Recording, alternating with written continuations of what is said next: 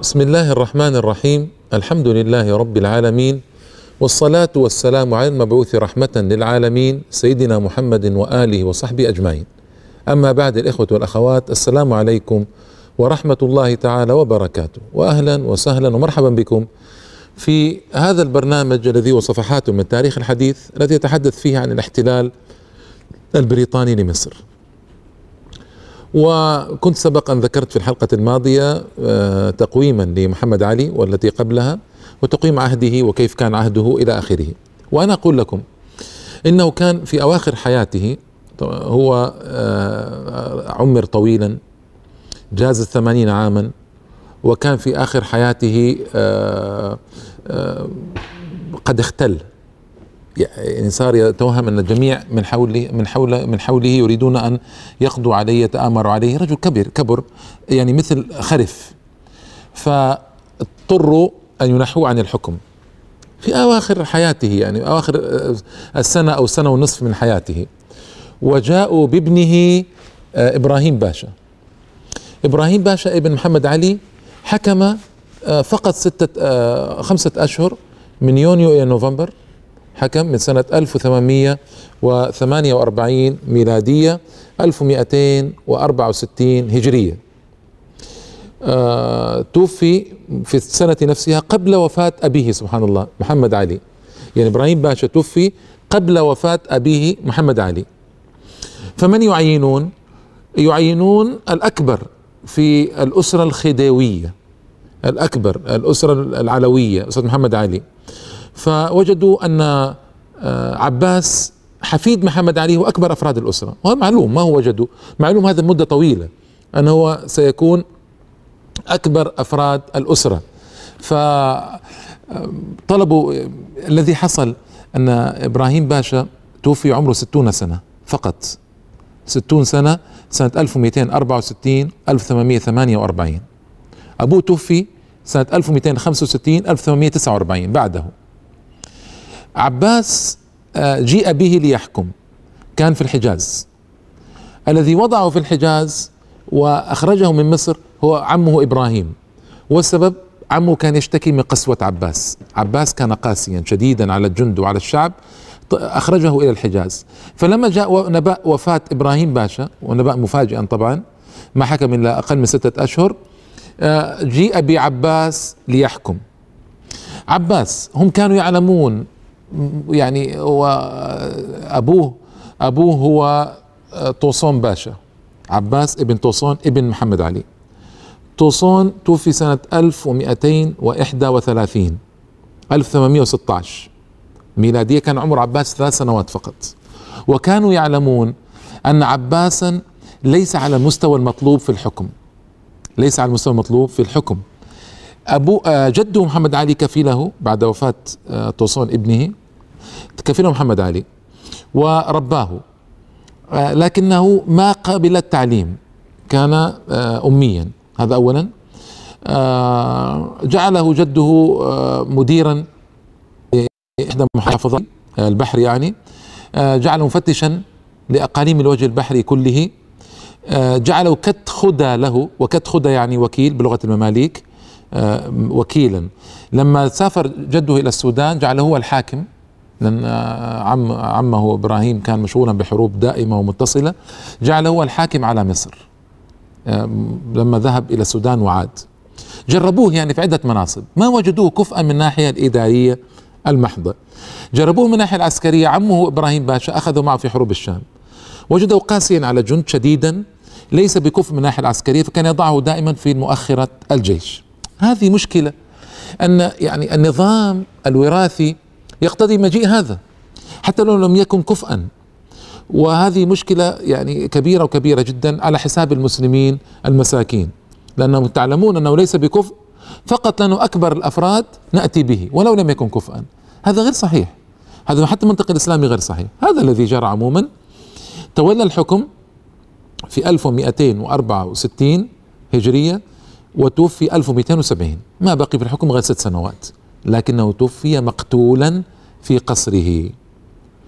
آه، وتولى الحكم 1808 1848 إلى 1854 ميلادي 1264 1270 هجري لمن يريد أن يعرف التاريخين. يعني وجد مقتولا في قصره. اختلفت الروايات في قتله. بعضهم قال آه، قتلته عمته نازلي لشدته وقسوته عليها. وكانت من شدته وقسوته عليها قد خرجت إلى إسطنبول هربت. أرسلت له مملوكين إن قتلاه بطريقة أو بأخرى. وبعضهم قالوا لا الذي قتلوه هم مماليكه لأنه أساء العلاقة بهم و واشتد عليهم وضيق عليهم شؤون عيشهم فقتلوه. لكن المهم اتفقت الروايات أنه وجد مقتولا في قصره في 1270 من قتله ليس مهما لكنه وجد مقتولا. هذا الرجل له مزايا وله آه أيضا نقائص أو كما تسمى اليوم سلبيات. المزايا اولا هو في الجملة متدين وهو الوحيد من أولاد محمد علي الذي كان ينزل إلى مساجد في رمضان يسمع الدروس. الوحيد من أولاد محمد علي ممن حكم يعني ممن ينزل إلى المساجد يسمع دروس مع الناس في رمضان يسمع العامة في في المساجد. هذا اولا. ثانيا كان محبا ل آه للسعوديين ولآل آه محمد عبد الوهاب. وهذا غريب أن يكون في مصر. ما أدري كيف حدث هذا. المؤرخون لم يبينوا هذا. قالوا كان صديقا لفيصل ابن سعود. هو طبعا آه يعني عاش في الحجاز مدة. ربما حصل احتكاك. ربما أعجب بهؤلاء. آه لكن كيف حصلت الصداقة هذه ما أدري. قالوا كان صديقا مقربا لرجل من ال ال اسمه فيصل ابن سعود أمير فيصل ابن سعود. آه ودامت الصداقة طوال حياتهما. وأيضا كان خرج آه أحد أسرة الشيخ محمد عبد الوهاب المسجونين في مصر هربه من القلعة أخرجه من القلعة وجده محمد علي كان خارج آه القلعة. ما أخبروه الخبر إلا بعد ثلاثة أيام خوفا من بطش محمد علي. لكن ما استطاع أن يصنع العباس شيئا وخرج هذا الأمير السعودي ولا أدري أين ذهب هذا الأمير. يعني معلومات ناقصة وناقصة جدا لكن خرجه مهم هربه من السجن. أنقذه يعني. وهذه نعمة يعني أن جرت على يد هذا الأمير العباس ابن طوسون ابن محمد علي. وكان أيضا أحيا نظام الحسبة في مصر. فلا يجد أحدا في الشارع وقت الصلاة إلا ويجلد هذا الرجل إذا لم يكن في المساجد وقت الصلاة. الذي لا يغلق محله في أوقات الصلوات يجلد ويعني كان يعاقبه. فكان هذا شيئا غريبا في مصر وجديدا في هذه الأسرة. ما كان معمولا به في زمن جده ولا في زمن عمه إبراهيم ولا في زمن طبعا خلفائه من بعده قطعا لا. الذين ربوا تربية أوروبية. فأحيا نظام الحسبة في مصر بهذا الذي جرى. لذلك بروكلمان كان يتهمه بأنه كان طاغية وأنه كان يزدري الأوروبيين وأنه كان يمقت التربية الأوروبية الحديثة وما نقم عليه إلا أنه كان يعني متدينا في الجملة. نقم عليه أنه كان متدينا في الجملة وهذا أدى ببروكلمان إلى أن يقول ما قال. وإلا ما كان يتميز في طغيانه عن الأسرة أسرته بشيء كبير يعني كان أشد منه قسوة صحيح لكن يعني كلهم يشتركون في الطغيان تقريبا.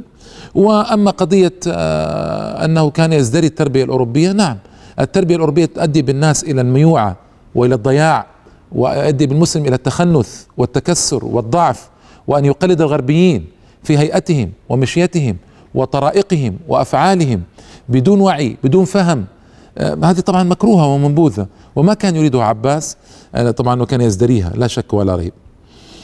عباس أقصى الفرنسيين لما جاء أقصاهم من ال ال الوظائف الكبيرة والحساسة. انتقاما لجده محمد علي حيث خذله الفرنسيون في معاهدة لندن والذي سبق أن حدثتكم عنها ما وقف الفرنسيون موقفا قويا أمام الإنجليز وأمام الدولة العثمانية. خذلوا جده محمد علي الذي كان يعتمد عليهم فأراد أن ينتقم منهم فأقصاهم من الوظائف والمناصب الكبيرة. لكن استبدل بهم من؟ من هو؟ من هو أنكر منهم؟ الإنجليز. الإنجليز امكر من الفرنسيين وأشد مراسا في التخطيط البعيد ووضع الاستراتيجيات البعيدة للسيطرة على البلاد الإسلامية. وكان هناك قنصل في مصر بريطاني اسمه ميري. ميري هذا استولى على عباس. استولى عليه استيلاء عجيبا وأحبه عباس وكان ميري كفءا يعني كان كفءا وله مزايا. فأعجب به عباس وأيضا عمق النفوذ الإنجليزي في مصر.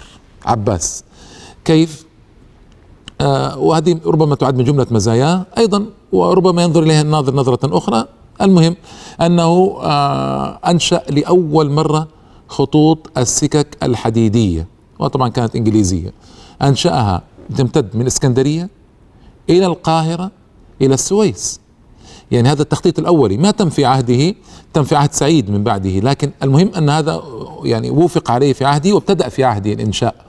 وهذا الخط خط في غاية من الحيوية يمتد من الإسكندرية إلى القاهرة فتأتي بضائع تفرغ في ميناء إسكندرية وتأتي إلى القاهرة سريعا. عوضا كانت تأتي في النيل آه، في الترعة المحمودية إلى رشيد ومن رشيد تنزل في النيل وهذا يطيل المسافة ويعظم الكلفة فسار سريعا. والأعظم منه خط القاهرة السويس. آه، سكة الحديدية فإنه يخدم الحجاج ويخدم آه، البضائع والبضائع الدنيا كانت ترد إلى إلى السويس لتنتقل إلى الهند ومنها إلى أوروبا يعني. فكان إنشاء خط السكة الحديدية بمشورة ميري ومشورة الإنجليز والذين كما قلت لكم يعني استولوا على قلب عباس وأحبهم عباس وقربهم وفي الوقت نفسه أبعد الفرنسيين. حتى أن آه، فرديناند ديليسيبس الذي أنشأ قناة السويس فيما بعد سآتي الحديث عليه في زمن الخديو آه، سعيد آه، عرض المشروع على عباس. عباس رفض. عباس رفض رفضا تاما. ربما لكراهية الفرنسيين ربما لإدراكه أن هذا المشروع مشروع خطير جدا وسيجلب النقمة على مصر لأن من وصايا جده أنه يرفض المشروع كان يرفض المشروع جده ويقول لا أريد لمصر أن تتحول إلى بسفور آخر.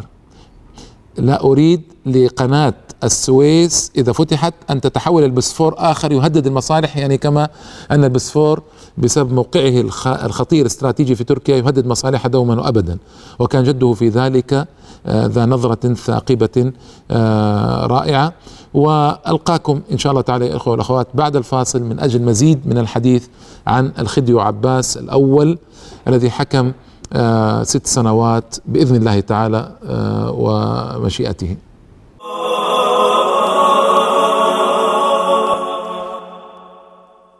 السلام عليكم مرة أخرى يا الإخوة والأخوات. كنت تحدثت عن بعض أحداث جرت في عهد عباس الأول وهي أحداث مهمة. وأواصل الآن فأقول من أهم الأحداث أيضا التي جرت أن هذا الرجل كان غريب الأطوار غريب الأحوال وكان ينشئ القصور في مناطق بعيدة عن البلد. مثلا في القاهرة ما أنشأ قصره في القاهرة وفي المدينة أنشأه في منطقة اسمها صحراء الريدانية. وصحراء الريدانية هي العباسية اليوم في مصر. طبعا قلب القاهرة لكن زمان أنا أتحدث. فالعباسية لماذا؟ لأن نسبت إلى قصره. قصر العباس عباس الأول في صحراء الريدانية كان فيه كان واسعا جدا إلى درجة أن فيه ألفي نافذة. القصر فيه ألفا نافذة ألفان من النوافذ. فلكم تخيلوا عظم القصر إذن. وكان ينشئ أيضا قصوره في طريق السويس بعيدا و يعني الرجل ما كان يعني بعض الأحيان يتهم بأنه غريب الأطوار، هل هذا من تأليف أعدائه؟ لأنه كان يزدري الأوروبيين ويزدري طرائقهم وينظر إلى الفرنسيين بالذات نظرة سيئة، هل هذا بسبب شوهوا سيرته بسبب هذا؟ وخاصة أن قلت لكم أنه كان متدينا كان قد أحيا الحسبة كان بينه وبين السعوديين صداقة فما أدري هل هذا من تشويه الأوروبيين للأسف المصادر شحيحة في هذا الباب وما عندي فيها كلمة فاصلة. ليس عندي فيها كلمة فاصلة يا إخوة الأخوات للأسف الشديد. لكن هذا الذي ورد في التواريخ. كان يميل إلى إهمال شأن المدارس. سبحان الله ما أدري لماذا. ما كان يميل إلى تعليم الشعب المصري آه، مثل جده. وبسبب هذا اندثرت كثير من المدارس اللي بدأها جده سواء كان مدارس ابتدائية أو ثانوية أو مدارس العالية. وهذا غريب تفكير عباس في هذا غريب وغير مفهوم. لماذا يهمل شأن التعليم؟ وربما كان مثل سعيد أنا سعيد كان يقول أن الشعب الجاهل خديو سعيد من بعده أن الشعب الجاهل يسهل آه، انقياده ويسهل قيادته. فربما عنده هذه النظرة الله أعلم. والعجيب أنه أهمل أيضا المصانع. ما أدري هل هذا الإهمال تطور طبيعي بعد معاهدة لندن 1840 تضييق على الدولة المصرية أم هو أهمله آه، بعدم عنايته عدم اكتراثه؟ أيضا لا تسألوني لأن المصادر في ذلك غير واضحة على الأقل لي عندما بحثت عن هذا الموضوع. يقول مهندس إنجليزي زار مصنع بولاق ومن مزايا الكبيرة لمحمد علي أنه أنشأ المصانع كما قلت لكم والمعامل. قال وجدت من الآلات الثمينة المهملة المعرضة للصدأ بلا يعني أن تبلى ما قيمته مليون ومئتا ألف جنيه مصري تقريبا. وهذه ثروة أيها الإخوة والأخوات يعني لما نتحدث عن مليون ومئتا ألف مثل ما نتحدث اليوم أكثر عن يعني أكثر من بليون. أكثر من بليون. اليوم بالقيمة الشرائية لمليون ومئتي ألف جنيه مصري آنذاك. قيمة ضخمة وضخمة جدا. وجدها مهملة آه، مكدسة لا تعمل. ما هو السبب؟ أيضا الأمر غير واضح. ما ذكر المؤرخون فيما قرأت والله أعلم غير أنه أهمل المصانع وأهمل المدارس والمعامل. هل هذا يعود لغرابة أطواره وانفراده؟ هل هذا يعود إلى كره الأوروبيين له فأمعنوا في تشويه سيرته وما أدري يعني ما عندي ترجيح في هذا واضح. من أهم مزايا عهده يعني الرائعة في الحقيقة أنه ترك مصر وليس عليها ديون. آه، سعيد باشا من بعده وإسماعيل باشا ورطا مصر في ديون ليس لها أول من آخر. حتى وصلت الديون في عهد إسماعيل لأكثر من مئة أو قرابة مئة مليون جنيه مصري. تتحدث عن ما يقارب الآن بالسعر الحالي مئة بليون تقريبا أو أكثر حتى. تصور هذا العدد الهائل آه، من والمبلغ الضخم الديون التي كانت على الدولة المصرية. يحسب له أنه توفي ولم يترك على مصر أي ديون وكانت في الجملة مصر في زمنه زمن رخاء وزمن آه، إقبال. وكما صنع جده محمد علي وعمه إبراهيم ما ترك ديونا أبدا. بالعكس محمد علي بدأ تقريبا من الصفر وأنشأ دولة قوية وترك دولة منضبطة إلى حد كبير جدا. بينما هو توفي أيضا آه، ولم يترك شيئا على مصر من الديون بخلاف آه، عميه آه، عم عم بخلاف عمه سعيد وابن عمه إسماعيل ابن إبراهيم. وهذه طبعا الديون هذه مشكلة سآتي بالتعرض لها يعني في الحقيقة مشكلة ومشكلة كبيرة وكبيرة جدا. ما أدري لماذا تورطوا فيها على هذا الحد وسآتي على تفصيل هذا الأمر إن شاء الله تعالى. السكه الحديد التي أنشأها تحسب من مزاياه لكن بعض المؤرخين ينظر إليها على أنها بداية أيضا لتحكم الإنجليز ومصالحهم. كيف؟ كانت السكة الحديد الأولى في إفريقيا والعالم العربي بالطبع. السكة الحديد الأولى في قارة إفريقيا كلها وفي العالم العربي هي الأولى طبعا. وربما يعني أقول ربما أن كان في العالم الإسلامي أيضا إذا استثنينا الهند والهند يعني كأقلية إسلامية لكن ما أظن في العالم الإسلامي كان هناك قاطرات قبل مصر. السكة الحديدية والدول الوحيدة القليلة جدا في العالم التي ابتدأت السكة الحديدية مصر آنذاك. فقيل إن هذه السكك وافق عليها هو نعم وخدمت مصريين نعم وجلبت لهم ثروة نعم لكن أيضا كانت تفيد المصالح البريطانية الاستخرابية والنظرة البعيدة لبريطانيا لأن السكة الحديد ستكون بريطانية والمشروعات المصاحبة للسكة الحديد ستكون بريطانية وسيأتي المهندسون بريطانيون وستأتي جالية بريطانية وتستقر وسيكون لهم دسائس ومؤامرات وتدخلات ويسهل عليهم نقل طبعا آه، بضائعهم من وإلى الهند سريعا. فالقضية تحتاج أيضا إلى نظر ونظر واضح. آه في الحقيقة من أهم السلبيات في عهد آه، عباس أنه قطع الصلة بأفراد أسرته لشدته وقسوته وغرابة أطواره ربما يعني عمه سعيد الذي كان أصغر منه عمه أصغر منه آه، هرب منه وألجاه إلجاء أن يذهب إلى الإسكندرية ليعيش هنالك طوال مدة حياة عباس. كان يعيش سعيد في الإسكندرية وكان سعيد هو ولي عهد ولي عهد لعباس. كما هو معلوم أنه في السن يأتي بعد عباس مباشرة وهم يعلمون من سيكون ولي عهد مبكرا يعني. فعباس آه، حاول بكل الطرق مع القنصل ميري أن يتخاطب مع الدولة العثمانية ليغيروا نظام الحكم في مصر حيث يكون وراثي الحاكم يأتي بعده ابنه. يعني حاول يغير النظام. نكاية في عمه سعيد لكن ما استطاع. ما استطاع وبذل جهدا كبيرا لأن يأتي ابنه إلهامي ابنه اسمه إلهامي. يأتي بعد عباس ويحرم عمه سعيد من حكم مصر. حاول وعن طريق ميري القنصل البريطاني في مصر. وتكلم مع الدولة العثمانية. وحاول بشتى الطرق أن يحرم سعيدا وأن يجعل الوراثة في ابنه من بعده ما استطاع. واستطاع ذلك في المستقبل إسماعيل باشا ابن إبراهيم حفيد محمد علي. استطاع أن يقلب النظام إلى نظام في أكبر أبناء الحاكم ويغير وكان هذا التغيير طبعا آه، عامل سيء وسيء جدا آه، في الدولة المصرية كما سيأتي إن شاء الله تعالى. ساءت علاقته بعمه سعيد. وساءت علاقته بعمته نازلي وهرب عدد من أفراد أسرته إلى الخارج وبالأخص إلى إسطنبول.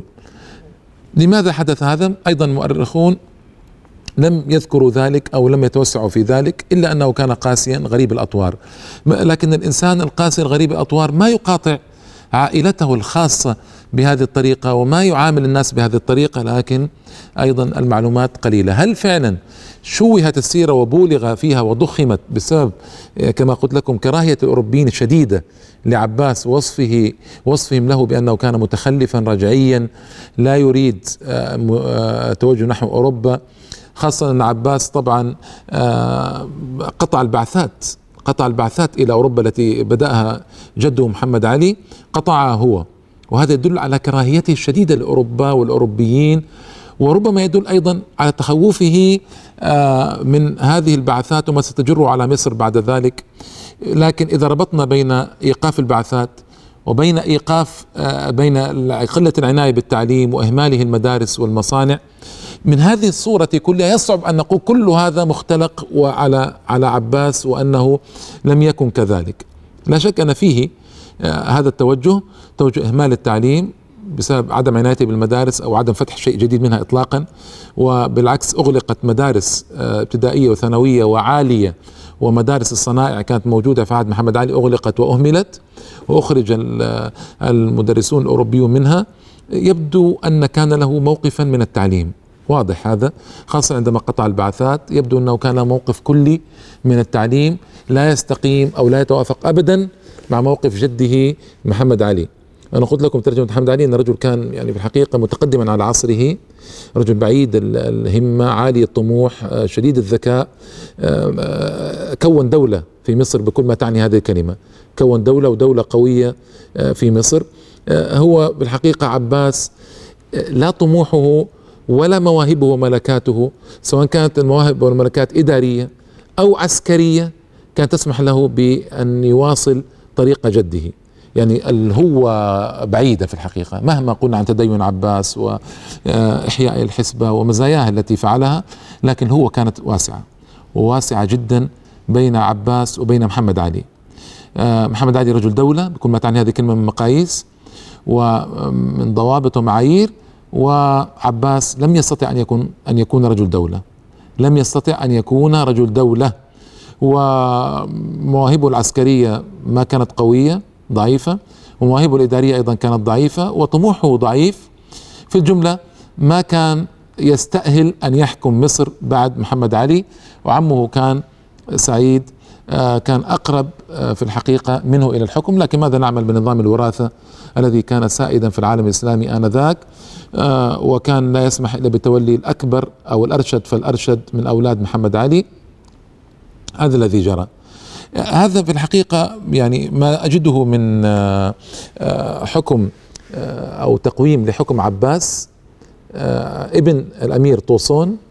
ابن محمد علي باشا فهو حفيد محمد علي باشا إذن وهو الذي حكم مدة ست سنوات فقط من 1264 إلى 1270 1848 1854 ثم وجد بعد ست سنوات مقتولا وجد مقتولا في قصره وعمره قرابة آه، إحدى وأربعين سنة فقط.